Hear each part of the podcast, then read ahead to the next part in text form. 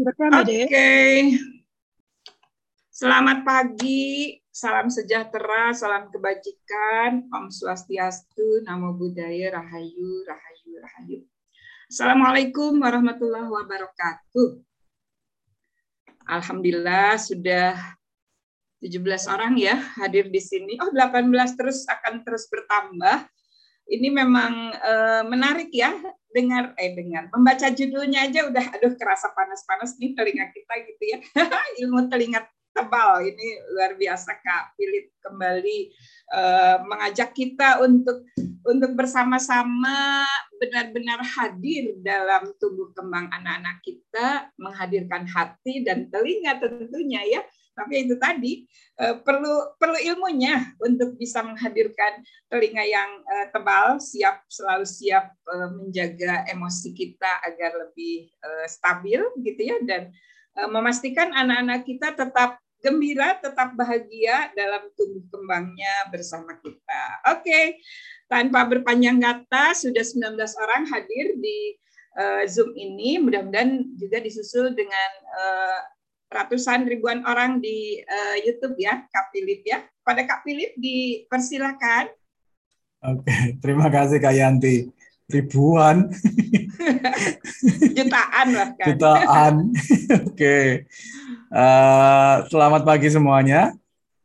Ini memang saya kasih nama demikian ya supaya tertarik gitu ceritanya. Tapi emang benar kalau mamanya jadi orang tua uh, salah satu bekalnya itu ya telinga tebal ini dulu ya. Nah kenapa kalau gitu satu ngadepin anaknya kan ya pasti itu. Kalau anaknya mulai apa ngeroweng rewel segala macam. Dua ngadepin tetangga nyinyir. Itu juga yang kok anaknya nggak diginikan kok anaknya nggak digitukan kok anaknya nggak diapakan. Nah itu kan yang selalu ada di dalam kehidupan kita sehari-hari lah ya nah kenapa saya pakai istilah telinga tebal ini karena kalau enggak kita mengolah emosi kita sendiri dulu, kita gampang kebawa nantinya. Nah, entah itu kebawa oleh anak, entah itu kebawa tetangga. Itu yang repot. Oke, ini saya. Nah, uh, sebelum saya mulai untuk ngobrolnya ini, tapi saya mau mau kasih dulu perbedaannya ya antara tantrum dengan meltdown. Yang mau saya bahas di sini nanti adalah tantrumnya. Nah, bedanya dengan meltdown adalah kalau meltdown itu adalah anak yang lagi apa ya di kebanyakan input gitu loh. Jadi dia udah seharian lari-lari, seharian menghadapi orang banyak yang baru sama sekali, terus dia merasa overwhelmed, merasa mm, kepenuhan gitu loh. Nah itu terus akhirnya jadi meltdown. Beda dengan tantrum ya kan kita bahas hari ini. Tantrumnya ini adalah lebih ke uh, ketika dia menggunakan cara-cara yang semuanya untuk mendapatkan apa yang dia mau gitu ya. Macam anak yang guling-guling di supermarket gitu lah ya. Ketika kita kan nggak nggak mau nggak dibeliin mainan misalnya. Nah itu yang yang kita bahas hari ini yang itu, bukan yang meltdownnya. Karena kalau meltdown nanti lain lagi itu urusannya. Oke, nah pertanyaan yang pertama itu adalah seberapa tebal telinga Anda itu kalau ngadepin dijewer deh telinganya. Bayangin bayangin lihat gambar ini ya, terus bayangin suaranya gitu deh. Bayangin suaranya kayak apa gitu. Kalau melihat gambar ini kan kan kayak kelihatan banget kan. Coba Teh Yanti kalau lihat gambar ini rasanya kedengarannya gimana? Level level suaranya seberapa ini? Sudah level geli di telinga gitu ya. Iya, aduh baru lihat gambarnya aja ini belum dengar suaranya beneran nih. Nah, itu yang kadang perlu kita gali bersama gitu ya. Kenapa kita kok sampai merasa ini jadi satu gangguan besar buat kita gitu loh. Nah, kalau metode saya kan selalu kembali ke perasaannya gimana, kebutuhannya apa di balik itu. Nah, tes yang paling gampang nih kalau momennya apa namanya anak lagi yang bergunung kuming berguling-guling nggak karuan tadi itu kira-kira seberapa kuat Anda menahan sikap untuk melakukan untuk tidak melakukan sesuatu sebelum berubah pikiran gitu ya. Kira-kira berapa? Kalau Teh Yanti berapa kira-kira? 100 kali. 100 kali masih kuat ya? Kabur, kabur. kabur. Kalau Pak Rosmin, Pak ngadepin anak kecil Kak Dani. Paling dua kali udah nggak tahan. Dua kali udah nggak tahan. Oke. Okay. Kalau Kak Vivi zaman dulu waktu anaknya kecil gimana Kak Vivi? Kak Vivi udah terlatih. Ayo Kak. Sudah Berapa Kak? Udah terlatih banget ya. Ada Kak Bambang tuh dari dari Kampar tuh. Kak Bambang berapa kali ayo. Itu. Nah, ini tesnya nih. Berapa kuat untuk mempertahankan pendirian karena sekali mengatakan tidak memang harus konsisten ya. Itu. Ya. Cuman ya ini memang sangat menggoda dan mencobai gitu ya ceritanya nih. Jangan deh. Aduh, ini ini lagi siap-siap mau punya cucu nih. Aduh. Aduh, Bayang. apalagi cucu itu. gitu. Nah, uh, saya selalu mulai dari diri orang tuanya dulu. Nah, gimana? Kenali dulu rasa yang timbul di situ tuh sebenarnya ketika saya pas melihat katakan misalnya tadi melihat gambar anak yang tantrum tadi ya itu uh, rasanya apa sebetulnya? Apakah saya jadi marah? Apakah saya jadi kesal? Apakah saya jadi malu? Apakah saya jadi apa? Nah itu yang perlu kita kenali dulu. Tentu saja ini biasanya Iya, multi layer, tapi mesti dikenali gitu loh. Yang yang paling dominan yang mana? Gitu. Karena kalau enggak, kita nanti enggak bisa mengenali yang berikutnya. Pertanyaan berikutnya adalah kebutuhan di baliknya apa? Karena kadang-kadang jadinya beda ketika kita berhasil mengenali rasanya, kebutuhannya, terus jadinya strateginya akan beda. Itu.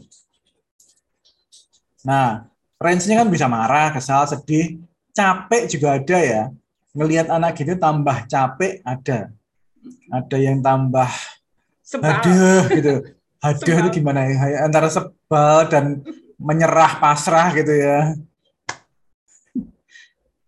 Hmm. gitu. Nah kebutuhan di baliknya apa? Nah ini yang penting.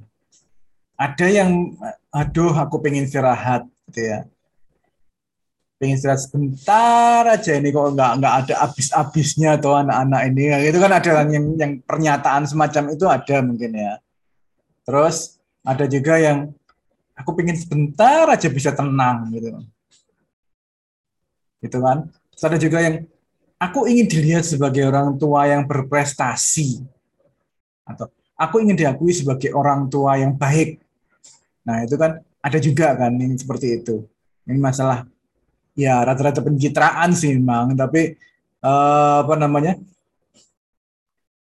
ada kebutuhan mendasar soalnya ya ah iya kebutuhan diakui itu sangat kuat yeah. kalau di dalam kultur Indonesia kan demi banyak hal dilakukan itu juga demi diakui itu tadi nah kalau kita sudah menemukan kebutuhan di baliknya apa, kita bisa menemukan strateginya gimana. Katakan misalnya lagi belanja di supermarket, terus anaknya minta mainan, anaknya berguling-guling. Nah, kita melihat kita melihat bahwa rasa yang timbul yang utamanya adalah malu karena kita merasa jadi gagal di situ, merasa apa pengakuan rasa ingin diakui sebagai orang tua yang berhasil itu jadi hilang gitu loh.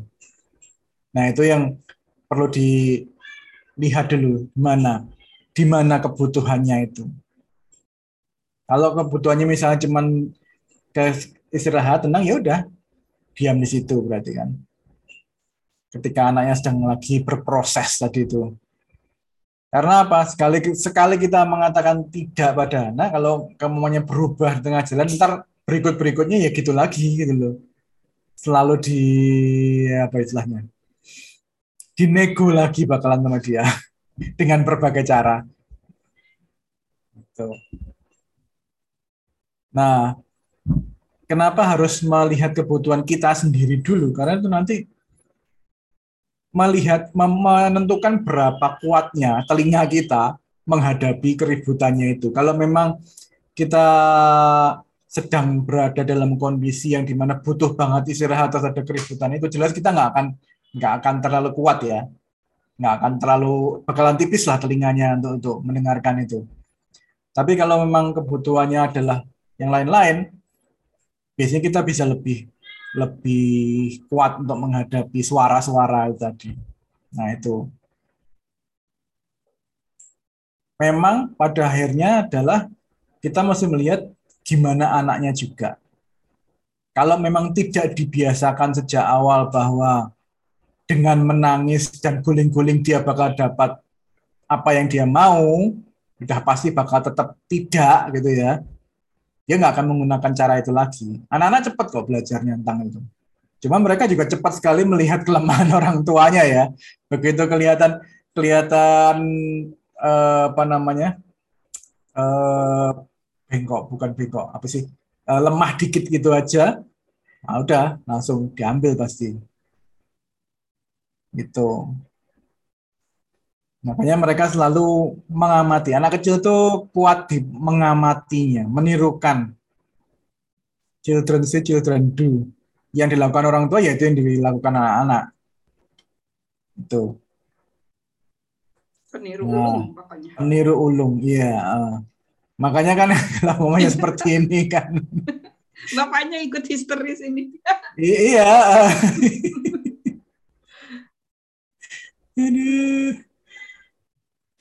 Kebayang punya kembar, semuanya nangis barengan. Wah, nah, indah sekali. Epic kan itu.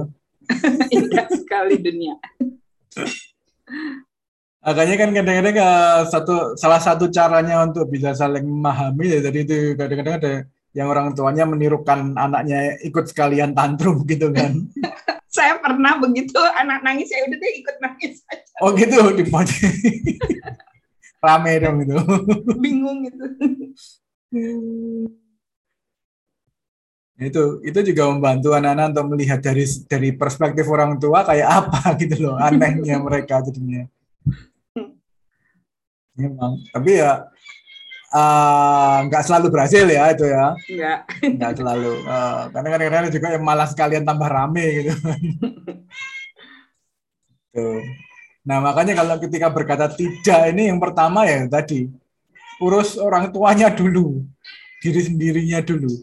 Pastikan Anda cukup cukup punya sedang cukup punya energi untuk mempertahankan tidak itu karena secara emosional Anda cukup stabil. Nah, itu stabilkan dulu.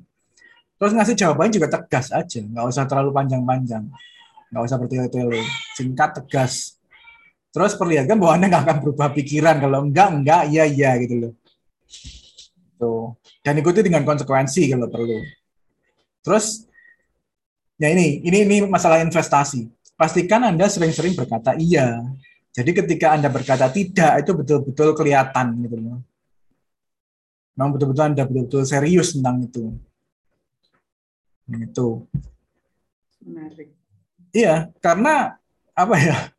Ketika Anda ada investasi investasi hubungan itu tadi, anak-anak nggak melihat bahwa ini, oh biasanya juga bilang enggak, tapi terus kalau momennya di diteriakin, diminta kaki, dinangisin segala macam gitu, tahu-tahu berubah jadi iya gitu kan.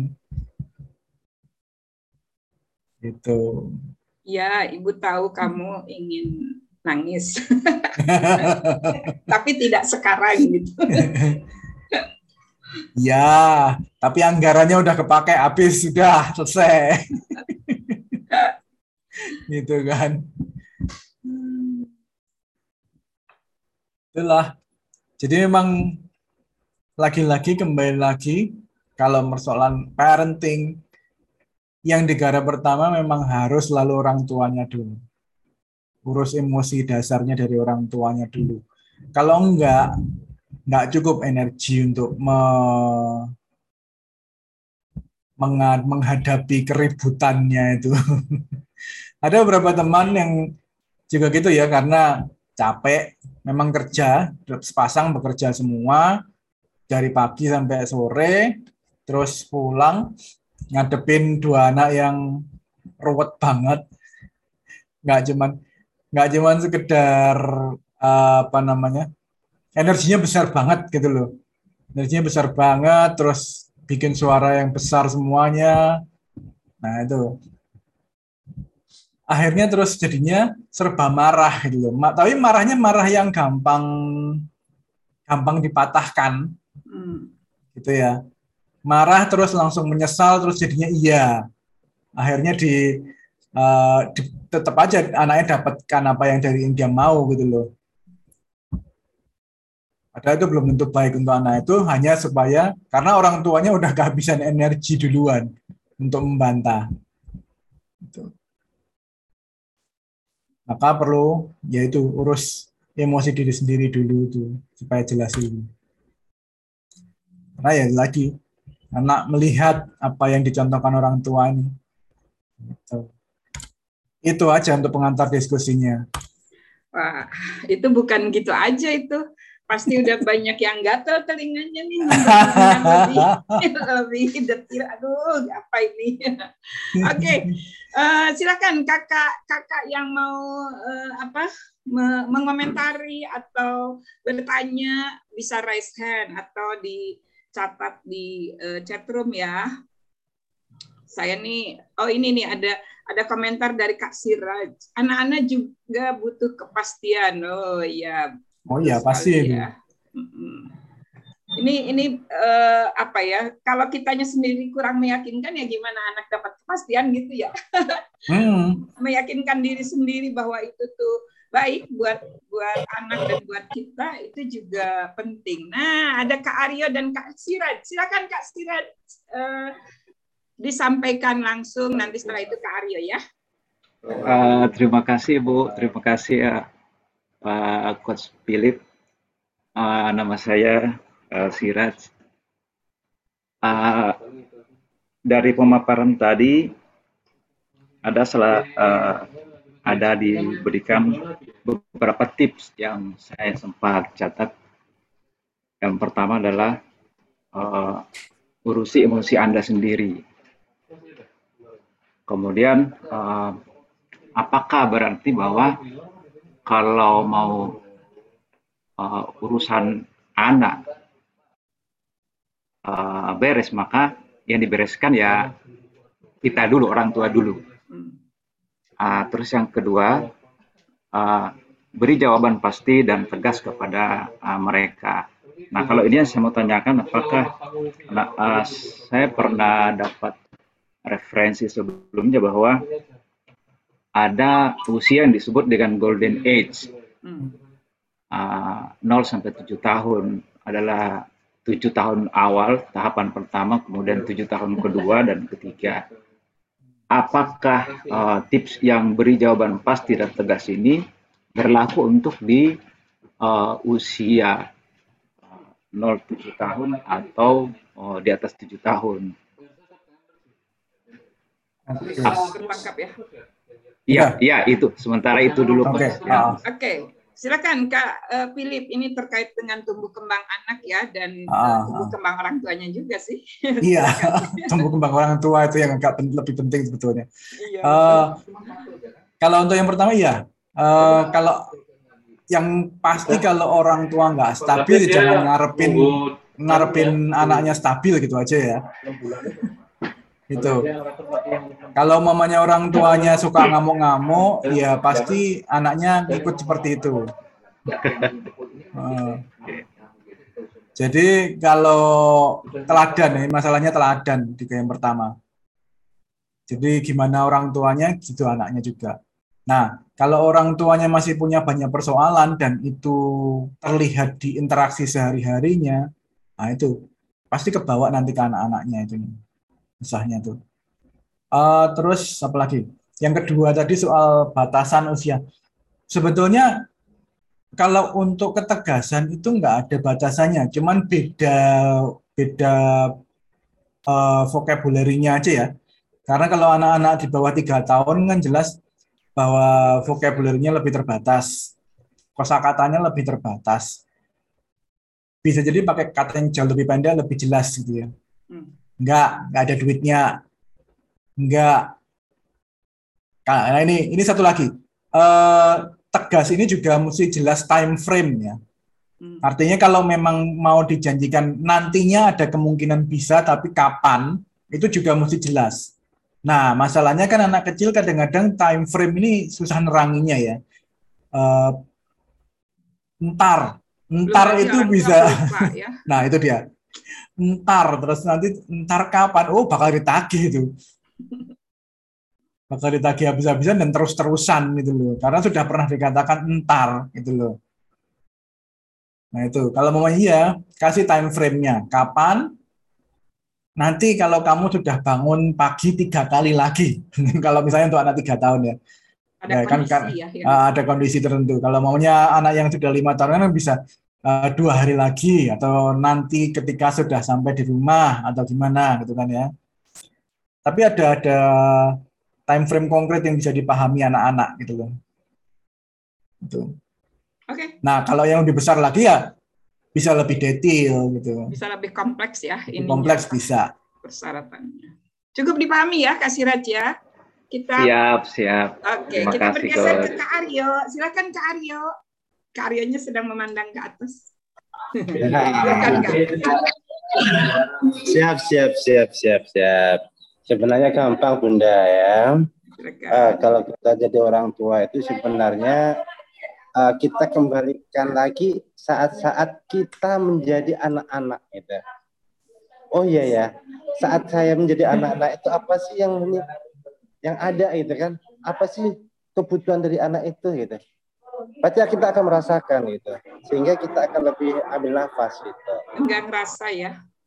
Enggak terasa. Jadi uh, jadilah kita itu menjadi anak-anak lagi saat anak-anak kita itu lagi apa ya rame apa gitu ajak main lagi nanti pasti akan uh, kita ngikutkan misalnya dia terlalu rame kita ngomongnya kayak pelan lagi gitu jadi uh, menggunakan teknik pendekatan personal yang melibatkan emosi kita itu menjadi diri mereka itu itu adalah yang yang selama ini saya lakukan Wah, sering yang menarik Kak Aryo. Gimana Kak Philip dengan sharing karir nih? Iya memang jadi melihat dari perspektif anak kecil lagi gitu loh. Hmm. Paling gampang ya mamanya mau menyamakan gitu samakan tinggi badannya dulu. Nah, biasanya jadi gitu ya, menunduk, ya, berbicara uh, tuh mata ke mata gitu ya. Uh, mata biar mata ke mata jadi setara gitu. Entah anaknya yang dinaikkan ke kursi atau orang tuanya yang menunduk gitu ya supaya lebih pas gitu.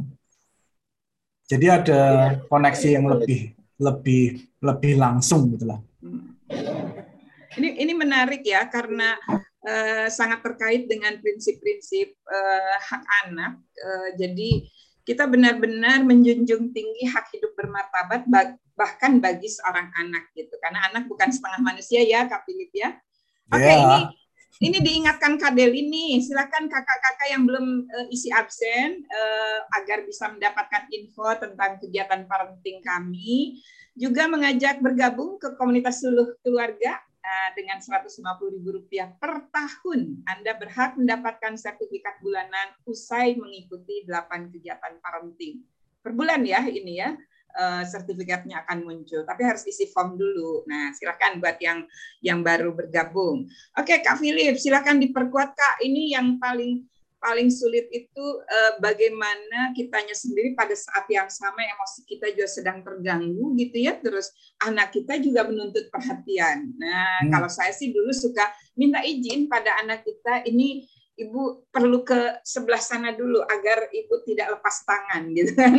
Itu yang uh, yang paling mudah gitu ya. Tapi memang ini jadi jadi proses yang menarik ya untuk uh, belajar menjadi orang tua yang dirindukan ya. oleh anak-anak kita silakan kak Philip tuh kalau Flis sudah buka kamera sekarang juga silakan nah kak. contohnya kak Yanti tadi itu adalah menciptakan safe space ya tempat aman jadi ada apa ya misalnya kalau momennya anak di bawah tiga tahun ya tempat yang aman untuk mereka menenangkan diri dulu gitu yang juga dipakai oleh orang tuanya untuk menenangkan diri jadi kalau uh, papa mau ke pojokan dulu sebentar. Hmm. Papa perlu menangani dulu. Iya. Jangan jangan deket-deket papa dulu. ini lagi hardik, gitu ini ya. lagi berduri nih. Saya jadi ingat Kak Dani tadi baru sekali aja udah udah udah nggak kuku nggak kuat. Ya ini lagi model anda ini, ditancap kamu nanti. Kalau Fli udah senyum-senyum nih, kita dengar kalau Fli, eh kalau Fli ada ini apa praktek baiknya Oh, kalau aku mau udah kebal ya. udah tebal, bukan bukan anak tebal, dua, bukan tebal aja kebal gitu ya. Iya, udah kebal. Ya. Telinganya udah setebal ini kali ya. Nah, urat malunya udah putus juga ya. Uh, kalau zaman dulu anakku udah udah pasti. Kalau dia sih nggak uh, tantrum jarang ya Kak Philip. Anak-anak hmm. itu jarang tantrum ya. Karena memang uh, saya pastikan lingkungannya tidak membuat mereka tantrum ya. Jadi saya yang eh, itu telinga tebal tadi ya jadi hmm. saya tidak peduli dengan apa kata orang, saya lebih mementingkan kenyamanan anak-anak saya ya. Itu Jadi muka kalau, bukannya telinga, mukanya juga tebal. Iya, iya. Telinga, muka segala macam lah ya. Makanya badannya tebal kan. nah, jadi kalau dulu tuh uh, saya memutuskan untuk uh, sebetulnya untuk kewarasan saya sendiri kan, uh, ya kan. Kan kalau anak-anak lagi tantrum tuh kewarasan susah dijaga ya. Nah, hmm. sehingga untuk kewarasan saya sendiri saya memutuskan untuk tidak terlibat dalam kiat-kiat yang kira-kira gitu kan akan membuat anak-anak tidak nyaman dan ujungnya akan uh, akan tantrum ya. Uh, apalagi kalau meltdown ya. Kalau meltdown itu juga uh, sering kali kan orang dewasa kakeknya neneknya tidak paham ya tentang meltdown ini kan. Uh, mereka kan sering kali berharap anak itu 24 jam 7 hari itu keren terus gitu. uh, ya kan. Dan itu yang, perprim dan lain-lain. Iya, harus langsung jadi anak yang baik. Iya, siap, siap, kapan pun selalu siap menjadi baik gitu kan. Itu yang kadang-kadang saya memutuskan untuk uh, apa menjauhkan diri ya untuk menjaga kewarasan saya uh, sehingga saya nggak perlu mendengarkan uh, ricuh-ricuh yang nggak penting gitu. Ya, jadi apalagi anak-anak saya kan yang pertama ADHD, yang kedua ADHD juga kali ya Deli itu ya karena uh, apa kalau Deli dulu masalahnya memang emosi ya, memang emosi. Jadi dia kalau sudah uh, sudah tantrum itu satu jam dia tidak akan berhenti untuk menangis dengan intensitas yang tinggi. Uh, itu kalau Kuat gitu, amat. Oh iya satu jam. Jadi kalau sudah seperti itu kondisinya saya harus gendong dia putar bukan karena apa-apa supaya tidak dimarahin orang. Hmm. Kan kalau di satu tempat pasti kan dimarahin orang ya. Uh, supaya dia tidak dimarahin orang. Yang saya lakukan dulu gendong, saya gendong puter-puter gitu. Jadi muter terus sampai dia karena tidak ada yang bisa dilakukan kan. Kalau sudah seperti itu tuh uh, tidak ada kata-kata yang masuk. Jadi ya cuma dia macam iya sayang. Oh iya anak. Iya anak terus itu satu jam. Makanya saya paling sebel kalau dia diganggu orang. Itu kali ya. Oh, oh. oh iya itu itu butuh tenaga ekstra itu. Oh iya itu harus okay. angkat tangan tuh Kak Dani Kak Philip silakan ya. Kak Rusminnya? Hmm. Kak, oh iya, sudah sudah raise hand akhirnya. Ya. Akan Kak Dani. Oke, okay, uh, eh, makasih. Gak sabar juga rupanya. Iya, makasih Kak Philip untuk sharingnya. Uh, mungkin saya sedikit share nanti mungkin saya nggak tahu uh, udah lewat sih ya karena anak saya juga udah udah di atas 20 tahun jadi cuman pengen saya pengen tahu apa apa apa yang saya pernah berbuat itu seperti bagaimana lah intinya gitu. Jadi uh, saya setuju bahwa anak itu sangat pintar gitu. Jadi ketika saya uh, diajarkan dulu itu anak itu udah punya kecerdasan dari dia kecil dia udah udah ngerti. Karena itu dia bilang, oh kalau gua nangis, uh, gua akan gendong nih. Jadi ya udah nangis aja gitu. Hmm. Walaupun sebenarnya itu dia cuma mau bilang bahwa mungkin dia lapar atau apa pun juga lah, maka dia akan dapat perhatian gitu. Karena itu dia bilang, nanti kalau gedein anak tuh jangan sampai bawa tangan ya, jangan setiap kali nangis dia gendong. Gitu. Oh, nah itu saya, uh, saya, yeah. saya oke, okay. saya bilang terus jadi gimana dong? Oh pokoknya kalau nangis cek aja lapar atau enggak, dia yeah. uh, pup atau enggak, panas atau enggak. Uh, nah kalau seandainya semua udah oke, okay, ya jangan digendong gitu. Nah saya coba terapkan gitu. Saya terapkan anak saya pertama kali begitu tuh nangis sampai 4 jam. Mm. Tapi jangan jangan digendong gitu. Biarin aja tapi itu efektif sih gitu. Setelah itu dia tahu oh kalau nangis gue nggak digendong. Eh dia jadi tahu kalau itu dia bisa main sendiri gitu. Dan kalau dia nangis benar-benar karena ya itu karena lapar ataupun uh, apa pun itulah gitu ya. Dia uh, dia itu. Dan dari kecil juga memang anak itu kan manipulatif ya eh, dalam teman dalam memang itulah yang dia tahu gitu. Oh, kalau dia nggak boleh sama mama kalau makan yang gorengan minta papa papa kasih. Jadi setiap kali mau makan gorengan, ah, dia mintanya ke papa tuh gitu. Politiking gitu. Iya, itu kayak tricky lah ya gitu. Jadi saya sama istri saya itu mesti kita mesti sepakat ya. Kita harus benar-benar sepakat nih gitu uh, kalau untuk gorengan gimana nih gitu setuju atau nggak setuju atau mau mau dikasih sedikit atau enggak gitu hmm. nah itu Konsisten itu yang, ya itu ya uh, sering kali kita lakukan uh, ya tapi ada waktu di mana pasti kita juga ada yang memang bertentangan akhirnya yang jadi ada sedikit uh, keributan lah gesekan sedikit antara oh, gitu, anakmu, orang tua suruh nginep anakmu suruh nginep di rumah Bu Yanti aja, gorengan banyak di situ. banyak gorengan. Setiap hari. Ada pun dibikin. Nah mungkin satu hal lagi yang eh, jadi saya juga diajari mengenai ketaatan gimana ya, kepatuhan. Jadi eh, hmm. waktu saya diajarin itu jangan ada tuh misalnya eh, ini kerjaan PR ataupun mesti dihitung atau datang sini atau jangan pegang itu. Terus satu, dua, nah dia bilang nggak ada. Itu berarti anak itu tidak taat itu. Nah jadi saya itu diajar untuk oke okay, ketaatan itu full dan dan jangan pernah nakut-nakutin anak kayak misalnya tuh tuh tuh ayo makan makan. Tuh kalau nggak nanti, nanti ada polisi tuh, ada satpam atau polisi tuh. Iya. Ah jadi dia bilang ya, yang yang atur itu kita gitu. Kita orang tuanya dia harus taat sama kita bukan sama satpam atau sama polisi. Yang nggak ngapa-ngapain gitu. Dan itu kan nggak nggak real banget gitu ya. Bahwa sebenarnya mereka tidak apa uh, jadi anak itu takut sama situasi atau sama yang di luar kita gitu. Anak itu harusnya uh, taat itu sama kita. Nah itu uh, saya juga nggak tahu. Maksudnya kembali lagi itu udah lewat itu yang saya apa terapkan gitu. Nah nggak tahu mungkin uh, apa kak Philip uh, bisa hmm. berkomentar mengenai itu. Gitu. Wah, menarik nih Kak Philip. Ayo Kak, uh, ini komentari. Kalau soal ketaatan tadi, kalau di saya sih nggak nggak terlalu ya. Artinya saya lebih pakai marketing sih modelnya. Jadi kalau saya mau dipromosikan terus ya kebaikan. Uh -uh. Jadi kalau saya mau anak saya makan sayur, ya saya harus memperlihatkan makan sayur dengan lahap di depan dia, hmm. gitu aja. Jadi gitu, modelnya marketing. Jadi kalau saya tidak bisa melakukan sesuatu dengan nyaman, ya jangan harap anak saya melakukan sesuatu dengan nyaman juga, gitu aja.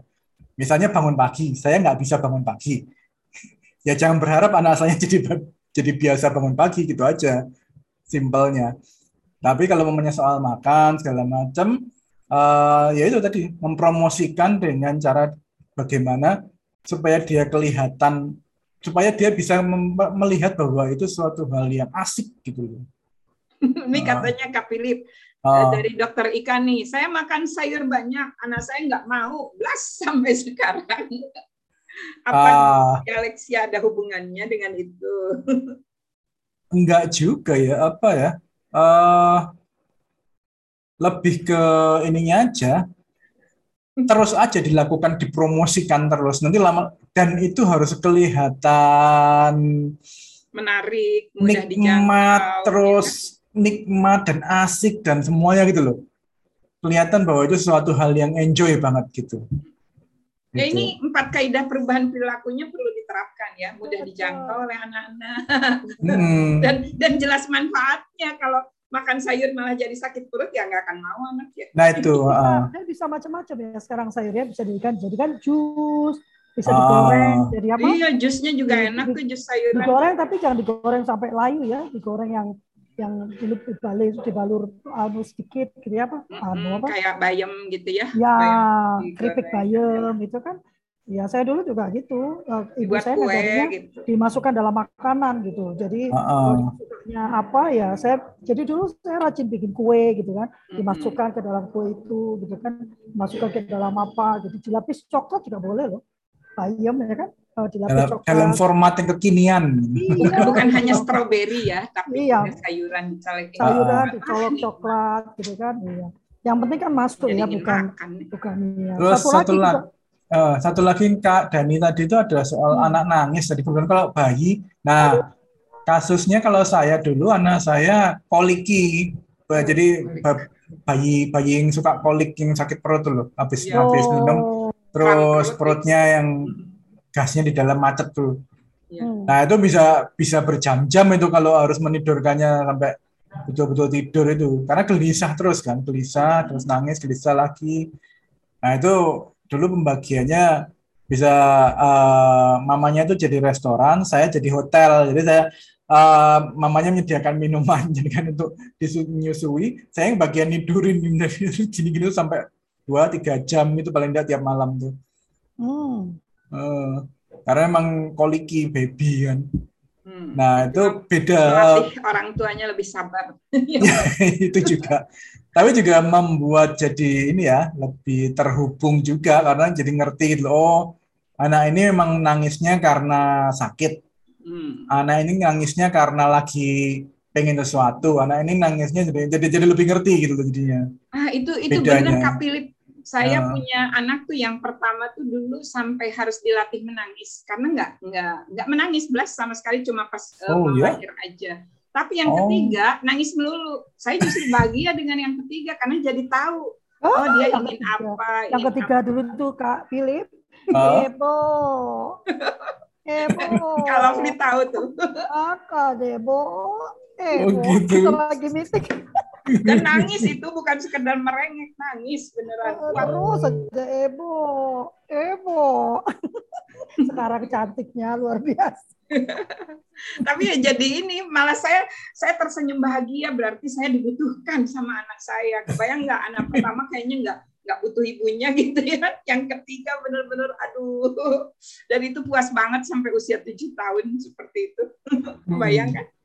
Kak Philip ini ada dari dari siapa ya? Kak Diana nih. Kak Diana ya. mau menyampaikan langsung? Atau saya bacakan ya. Kak, kalau anak susah tidur malam, padahal orang tuanya sudah tidur, bagaimana penanganannya? Kalau disuruh tidur malah marah-marah. Silakan Kak Philip punya pengalaman langsung nih. Well, kalau yang itu sih biasanya ya cuman bisa ditemani ya ditemani Orang tapi gentian tidurnya piket ya. Uh, uh, pikatan gitu gimana lagi? Artinya mesti tetap harus ada yang nemani kan dalam dalam proses tidurnya itu. Tapi Walaupun, memang aktivitas siangnya itu yang perlu diperbanyak mm, ya. Jadi aktivitas fisik motor. siang. Mm -mm. Jangan sampai dia tidur siang gitu aja deh. Betul. Itu aja. Itu, itu salah satu antisipasinya. Uh -uh ah ini apa sih? Ambil HP-nya ambil HP-nya itu Kak Aryo. Siapa lagi ini? Iya Kak. Anaknya nggak main HP anaknya nggak main HP cuma nggak nggak bisa uh, cuman, aja ya. uh, iya padahal kadang-kadang siang itu nggak tidur. Aneh saya hmm. pikir aneh uh, apa energinya energi uh, banget energi Kayaknya banget. perlu latihan itu latih, punya uh, dulu anak saya nomor dua juga kayak gitu. Jadi kita bikin dua ini satu ruangan untuk uh, pasir, satu lagi untuk kayak sak tinju gitu ya. Jadi benar-benar energinya uh, luar biasa disalurkan oh, dengan. Okay. Ya, ya kalau sore itu sudah diajak lari-lari ya di apa? Kebetulan dekat rumahnya ada sawah gitu kan. Wih, asli. Hmm. Iya, udah diajak lari-lari apa. Cuman tidurnya uh, capek tidur 15 menit habis itu kayak kayak ada kekuatan baru gitu. Saya, saya percaya deh karena lihat kadiananya kelihatannya kurus sekali, capek harus temenin. Oh enggak kak, kalau saya mah kalau saya anak nggak tidur saya matiin udah saya tidur. Benar, karena benar, kebetulan uh, keponakan saya uh, ranjangnya satu kamar beda ranjang gitu kan. Jadi kalau hmm. uh, mama papanya lagi nggak ada, ya saya tidur ya tidur aja. Ntar lampu saya matiin entah dia buat apa buat apa. Nanti uh, ya saya tidurnya ya tidur tidur ayam gitu kan. Nah tapi harus pastikan lihat, aman ya itu aja ya. Uh -uh, ya. saya lihat itu pasti. Oh nanti lama-lama dia tidur. Tapi kalau yang ini bukan anak saya sih anak orang. Anak orang. Jadi kadang-kadang uh, saya bingung juga. Ini gimana ya kalau saya punya ponakan itu memang uh, rutinitas siangnya pagi eh apa uh, siang itu pasti tidur siang itu paling 15 menit atau 30 menit gitu kan. Setelah itu bermain. Pokoknya puasin bermain sampai uh, rumah berantakan itu it's no problem buat saya gitu kan. Asal Jadi, nanti mama papanya pengalaman, mau pulang uh, saya suruh bersihin. Nah, itu uh, kalau mama papanya lagi nggak ada, saya disuruh jaga anak-anaknya. Ya udah kalau waktunya tidur ya ya sudah saya matiin aja lampu gitu. Pokoknya jam 9 jam 9 masuk kamar mati lampu gitu aja. Dia anaknya tidur. Nah ini beda uh, kebetulan uh, murid saya sih kebetulan murid saya. Padahal ini sering kalau sore itu diajak mama papanya main di sawah gitu. Tapi tidur 15 menit baru di situ ya udah kalau malam nggak bisa tidur sampai dini hari. Hmm. sampai dini hari kalau Fli kalau Fli punya pengalaman nih kacau. Jadi yang seperti ini. Dua anak saya memang apalagi yang gede ya. Eh, Raka itu kan ADHD ya. Jadi tenaganya memang luar biasa kami sudah sekolahkan dia di sekolah alam berharap eh, dia memang akan kehabisan energi ternyata ya enggak enggak enggak ngefek ya cuman pengalaman yang saya dapat eh, dan saya sepakat waktu itu saya baca bahwa regulasi tidur itu amat sangat penting ya regulasi tidur itu sangat penting gitu nah, ini karena nggak disadari oleh orang tua dan regulasi tidur itu bukan cuma masalah tidurnya tetapi waktu tidur yang sama setiap setiap hari jamnya juga sama. Itu ternyata penting sekali dan itu membuat anak saya sedikit bisa mengendalikan uh, energinya yang luar biasa ya. Tidur siangnya nggak boleh lama-lama, satu jam gitu ya. Tapi uh, tidur nggak tidur dia tidak ada kegiatan di jam itu. Bahkan saya pun berhenti gitu ya. Itu sebenarnya saya tuh nggak pernah terima tamu ya, karena di jam itu uh, saya tolak semua orang yang datang karena anak saya ada ADHD itu pasti telinganya sangat ini ya, sangat sensitif, apa sangat ya? sensitif kan ada pergerakan sedikit di luar sudah bangun lagi dia gitu ada hmm. yang kresek di luar bangun lagi dia gitu kan ya saya diam aja gitu setiap hari sama seperti itu setiap hari sama seperti itu sama juga Betul, waktu saya bikin ya. Ya sama saya bikin saya bikin apa penitipan anak semua orang tua bilang nggak bisa tidur kak nggak bisa tidur bu bener bisa bisa tidur tapi setiap jam yang sama kita semua matikan semua lampu jadi suasana tidur dibangun lagunya yang lembut sekali untuk menurunkan apa uh, gelombang otak. Jadi lagu itu juga ngefek loh ibu-ibu ya, bapak ibu ya, yeah. sahabat-sahabatnya karena itu menurunkan gelombang otak gitu. Kalau lagunya sebelum tidur cepet tetap yang cadas ya, dia tetap hype ya. Tapi kalau lagunya dilambankan gitu, uh, suara kita pun dilambankan. Jadi kalau kita ngomong itu tetap juga dia high alert ya. Tapi kalau suara ibunya juga, makanya kalau nyanyi lagu tidur itu kan nggak gini kan, talelo lelo gitu kan. itu lemah tau. Nggak jadi tidur kalau itu. Iya makanya. Nah makanya kata, semuanya itu diturunkan. Ini ini ini kata Kak Diana katanya kriteria anak gifted itu nggak bisa istirahat bablas sampai malam. Kak anak Diana. saya dua itu sama, mesti siang badminton, renang sampai malam jam 12 tetapan. Nah, ini memang perlu jaga-jaga ya. Oh ya, sama juga sih ada adik-adik keduanya. Betul Bu, ya. diturunkan alfa dulu kata Pak Kak Siraj. Silakan ya. Kak Philip, kita ya. punya waktu uh, masih cukup panjang, 7 menit. Uh, tapi ini kayaknya cukup nih untuk Kak Willy. Uh, ini judul judul apa? judul telinga tebal ke mana-mana ya. memang memang di situ. karena tadi, eh, karena memang yang itu tadi masuknya di telinga semua ketika rengekan dan semuanya itu kan masuknya di situ. Dan juga tambahan yang dari Kak Lovely tadi benar eh, mengutamakan anak dan orang tua sendiri dulu jadi dengan kalau momennya juga ya, KPU. dengan rutinitas juga termasuk menolak tamu tadi ya, hmm. menolak tamu pada jam tertentu itu mesti tegas gitu. Nah itu uh, apa namanya? Kadang itu yang kita lupa ya, kadang kita terlalu mengutamakan tetangga kiri kanan, keluarga besar segala macam lupa kalau yang perlu diurus pertama itu ini dulu, diri kita sendiri dulu dan anak dan keluarga kita gitu loh.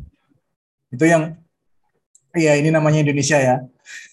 Dengan segala kulturnya yang memang begini, banyak komunalnya, kadang-kadang melupakan bahwa kalau kita sendiri nggak keurus, gimana kita bisa ngurus orang lain gitu. Makanya telinga tebalnya itu ya mulai dari ke, ke, ke kestabilan emosi yang ada dalam diri kita sendiri dulu. Kalau kita nggak memelihara itu, yo gimana gimana mau stabil semuanya. Itu. Telinga tebalnya dimulai dari sendiri dulu, dengan mengurus diri sendiri dulu. Kita juga harus cukup cukup ini ya eh, belajar tentang emosi diri kita gitu kan, agar eh, nanti apa ya ilmu telinga tebalnya bisa bisa ke semuanya. Kata Kak Aryo putar audio relaksasi gitu. ya. Ya. Yeah. Oke Kak Philip, tinggal lima menit lagi. Silakan uh, closing statementnya. Kalau nggak ada pertanyaan lagi, nggak ada yang raise hand di YouTube nggak ada ya. Silakan Kak. Ya balik lagi ya. Uh, apa pun awal. parenting itu, urusan pertamanya adalah urus orang tuanya dulu. Pastikan orang tuanya waras dulu. Baru bisa membantu anak-anaknya supaya waras. Gitu. Kalau orang tuanya keurus, anak pasti keurus. Kalau orang tua nggak keurus, ya dijamin yang lain-lain nggak bakal keurus semua. Itu aja. Pastikan Anda waras gitu. Itu dari saya. Oke, ya parenting sebagai sebuah pendidikan memang uh, perlu lagi-lagi ya, perlu usaha sadar, nah, sadar, waras dan terencana karena kalau tidak direncanakan kita tidak akan pernah tahu apakah kita cukup kompeten untuk menahan rengekan sampai 10 kali, 20 kali, 100 kali gitu. Karena ternyata dalam benak kita pun uh, hari ini misalnya kita dengar Kak Dani, aduh dua kali aja nggak akan bisa nih. Padahal anak-anaknya udah tumbuh tumbuh dewasa gitu ya.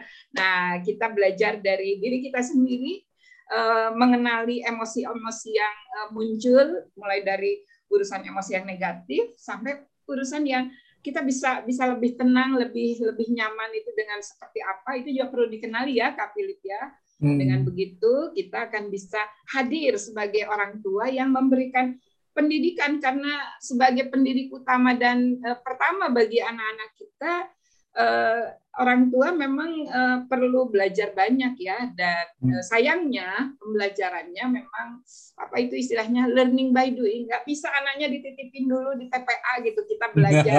Padahal kita sudah sudah menikah gitu. Nah untuk yang belum menikah jangan khawatir. Seluruh keluarga menyediakan apa pelatihan-pelatihan yang sangat mendasar dari basisnya sampai ke keterampilan-keterampilan teknis gitu ya. Tinggal uh, ini dulu isi formnya dulu tuh. Kak Deli beberapa kali mengingatkan agar kita bisa mendapatkan banyak inspirasi dari Kak Philip dan kawan-kawan di kultur parenting pagi ini gitu ya. Nanti kemudian kalau ingin belajar lebih terstruktur ada pelatihan-pelatihan yang memperkuat uh, apa apa yang disampaikan oleh para narasumber di kultur parenting pagi dan memberikan dasar-dasar ilmu yang uh, apa tepat dan benar, uh, tepat guna dan tepat sasaran gitu ya.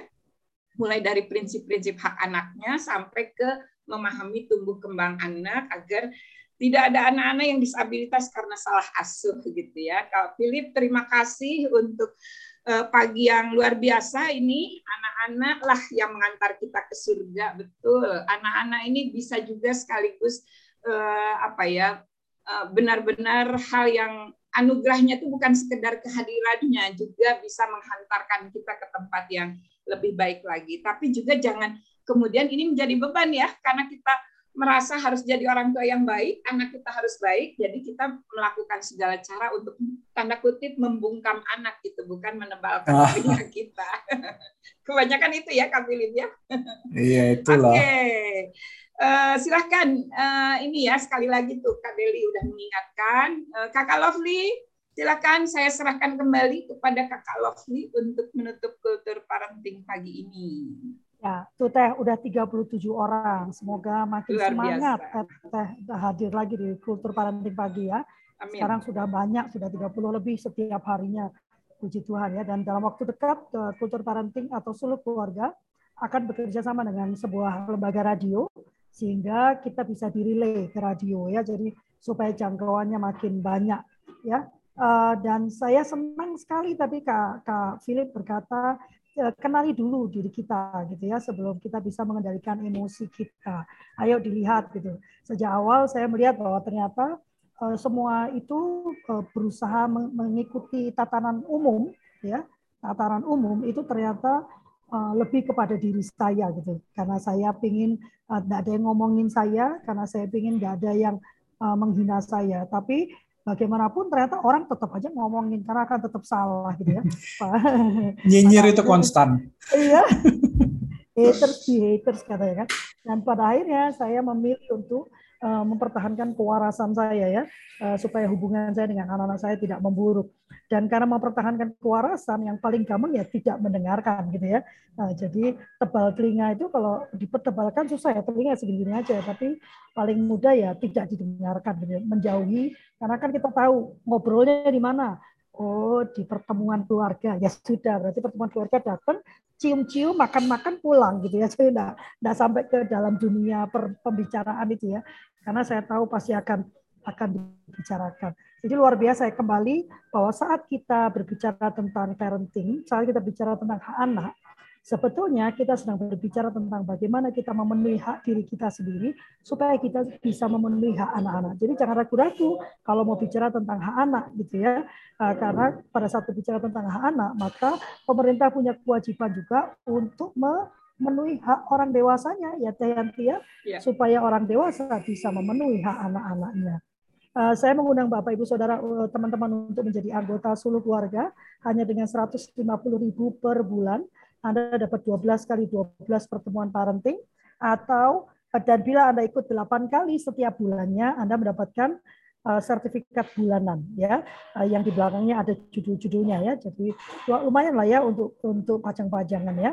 Uh, dan juga diskon 20% untuk semua pelatihan yang kami ikuti yang kami laksanakan atau kami kerjasamakan. Misalnya kayak kemarin ya uh, kerjasama dengan Dr. Amir Zudi itu uh, seluruh keluarga tidak mendapatkan keuntungan apa pun, tapi kami berhasil meminta Pak Dr. Amir untuk memberikan diskon kepada anggota seluruh keluarga ya. Jadi ayo bergabung yang terdekat Kak Philip kita akan mengadakan pelatihan coaching untuk orang tua dan guru ya uh, sudah mulai ribut nih guru-guru belajar tentang coaching ya. Uh, tapi saya yakin materi yang kami buat jauh lebih baik karena dimulai dari dasarnya. Jadi uh, jangan ngomel kalau saya selalu bertingkat ya, selalu berunda gitu ya. Karena landasannya harus Anda pahami dulu, baru naik ke prakteknya. Kalau langsung praktek percuma ya, percaya sama saya ya. Itu sebabnya selalu berunda di dalam suluk keluarga ya. Uh, terima kasih banyak. Kita berfoto dulu, Kak Deli saya sudah dari Ben Hill. Pak Madiman, Pak Madiman ini rajin loh. Karsirat sudah lama tidak muncul, baru muncul. Pak Bambang, ayo. Hatinya ditunjukkan. Eh, ada Kak Irwan. Dua, tiga. Eh, Kak Irwan akhirnya. Iya, dia selalu. Kak Irwan ada yang mau disampaikan nggak? Kak Irwan kayak ibu-ibu. Oh, boleh udah closing statement dari Kak Philip. Eh nggak apa-apa eh, kan apa-apa Bisa tadi nggak buka, aku pikir lagi sibuk. Ayo, ini ya, hatinya no. di, klik. Yes. Tunggu dulu, Kak Irwan mau bicara. Silakan. Silakan Kak Irwan. Terima kasih. Padahal saya udah udah uh, sudah tebal kupingnya juga gitu ya. Iya Kak, Kak Philip, terima kasih. Eh, pertama pasti makasih ya banyak. Selalu selalu ada yang bisa kita tangkap gitu ya eh, dari dari ya sharing seperti ini gitu ya. Dan saya selalu belajar juga, walaupun sekarang penerapannya kepada cucu nih gitu. Iya kan. Nah, eh, saya kemarin tergugah dengan dengan kata adab gitu, adab gitu. Jadi ada ada ada termasuk yang harus kita sampaikan di awal gitu. Nah, eh, sesuai dengan keyakinan saya, sebetulnya semua itu dikembalikan ya ya, ya semua semua hidupku, matiku, ibadahku semua itu kan untuk itu. Jadi semua itu harus diniatkan supaya punya nilai nilai, ini nilai ibadah. Jadi kalau dalam bahasa spiritual yang saya yakini Bismillahirrahmanirrahim gitu ya. Setelah itu misalnya ada adab-adab juga yang eh, lagi buang air jangan eh, jangan diajak bicara gitu ya. Nah itu eh, dan selanjutnya dalam menyampaikan itu kalau tadi Kak Philip menyampaikan ada kedudukan yang sama gitu ya. Kalau saya cenderung untuk menyamakan hatinya gitu. Kalau kita lagi bad mood, kalau kita lagi mood kita juga nggak ini, kita menyampaikan dengan apa juga susah gitu kan. Saya kira itu aja dari saya. Makasih Kak Lovely, Kak Yanti, Kak Philip. Kembali kasih Kak Irwan. Ayo Kak Irwan, jenderalnya dicolek lagi. Para jenderalnya. Iya, ini mesti nyamakan waktu. Ini ada ada kakak kita yang bolak-balik sama bupati terus permainannya juga tinggi. Sekarang gara-gara Kak Bambang itu. Sekarang tinggal di hotel nih. Menyepi nih di sini sendirian coba. Siapa yang mau nemenin? Aduh, Oke, okay, terima kasih banyak Kak Irwan. Uh, ucapkan terima kasih dan memohon maaf yang sebesar-besarnya apabila ada pernyataan perkataan yang kurang berkenan. Hari Jumat besok kita akan bertemu dengan Kak Ana Gracia Garcia ya dan beliau punya uh, satu topik yang menurut saya menarik. Uh, beliau punya uh, tentang uh, sekolah inklusi apa itu ya dari perspektif neuroscience ya menarik itu. Hai Bambang kecil, ada Pak Bambang kecil. Ada Hai, ada Kak Bambang junior. Pak Bambang kecil. Halo. Kak Bambang ini ini kami pengembangan perpustakaan di lupa. Iya, masa kita bicara parenting ada anak kecil dicuekin ya? Iya. iya. Pak Bambang hari Jumat datang lagi ya. Hari Jumat kita akan bicara tentang inklusi ya uh, ada ada ide yang berbeda dari Kak Ane, nanti kita dengarkan ya. Uh, menarik menurut saya. Tapi kalau Lovely yang ngomong inklusi nanti lebih pingsan lagi. saya punya ide yang sama sekali berbeda. Oke, okay, uh, terima kasih banyak uh, dan kita bertemu lagi di hari Jumat. Uh, wassalamualaikum warahmatullahi wabarakatuh. Tuhan memberkati. Waalaikumsalam warahmatullahi wabarakatuh. Terima Thank kasih ya. Kak Jangan lupa bulan depan ya seperti biasa ya. Pokoknya setiap bulan satu kali ya. Kak Aryo, kamu Takin, Kak Madiman, Kak Leni, Kak Titin, Kak Ika, Kak Ipai, Kak Isti. Salam kenal. Terus sekarang banyak soalnya tadi 37 ya. Pak Bambang, salam kenal. Kak Hendy, Kak Ika, Kak Terima kasih semuanya, Pak Acara kami ini setiap hari Rabu, eh Senin, Rabu, Jumat, Pak. Jam 7 sampai jam 8 pagi. Ya. ya. Uh, Oke. Okay. Okay, Kenapa? Kak Siraj, kenapa Kak Siraj? Iya, mau dapat kontaknya supaya ini kan pertama kali saya ikut. Oh, uh, supaya nah bisa itu ikut di form lagi. aja di form, form. Oh, saya sudah ngisi sih Bu, saya sudah ngisi form. Nah, ini ini nomor saya, silakan dicatat ya, silakan. Oh, siap siap Bu. Ya, nanti kita. Silakan Kak Isti. Oh, Kak Isti ini juga rajin loh, luar biasa Kak Irwan. Yuk kita, kita punya Jogja, kita samperin tuh. Ayo. Ah. Itu penguasa Jogja itu. Penguasa Jogja. Ah, nanti pas ke Jogja kita samperin ya. Siap, siap. Ditunggu kan. Mbak Ari aja, Mbak Ari aja seneng banget itu katanya itu Kak Isti. Uh, Kak Isti, uh, Desember kita punya kongres perempuan, mau ikut? Mau? Iya, kongres perempuan. Kak, Kak, Kak Philip kita pakai sanggul ya, Kak Philip ya. Biar jadi jadi perempuan. Ya. Kita mengadakan ya, kongres perempuan. Izin ya. live dulu ya. ya. Silakan. Kak Philip, aku lagi merakal pikiranku ya. Kamu nanti bareng aku ya kerja. Aku mau bikin uh, kelompok Kristiani tapi untuk orang-orang yang bercerai. Dia tuh perlu didampingi. Ya, bukan janda mati tapi janda cerai. Jangan gitu. Nah, soalnya nggak ada yang mau pegang itu. Ya Kak Philip ya.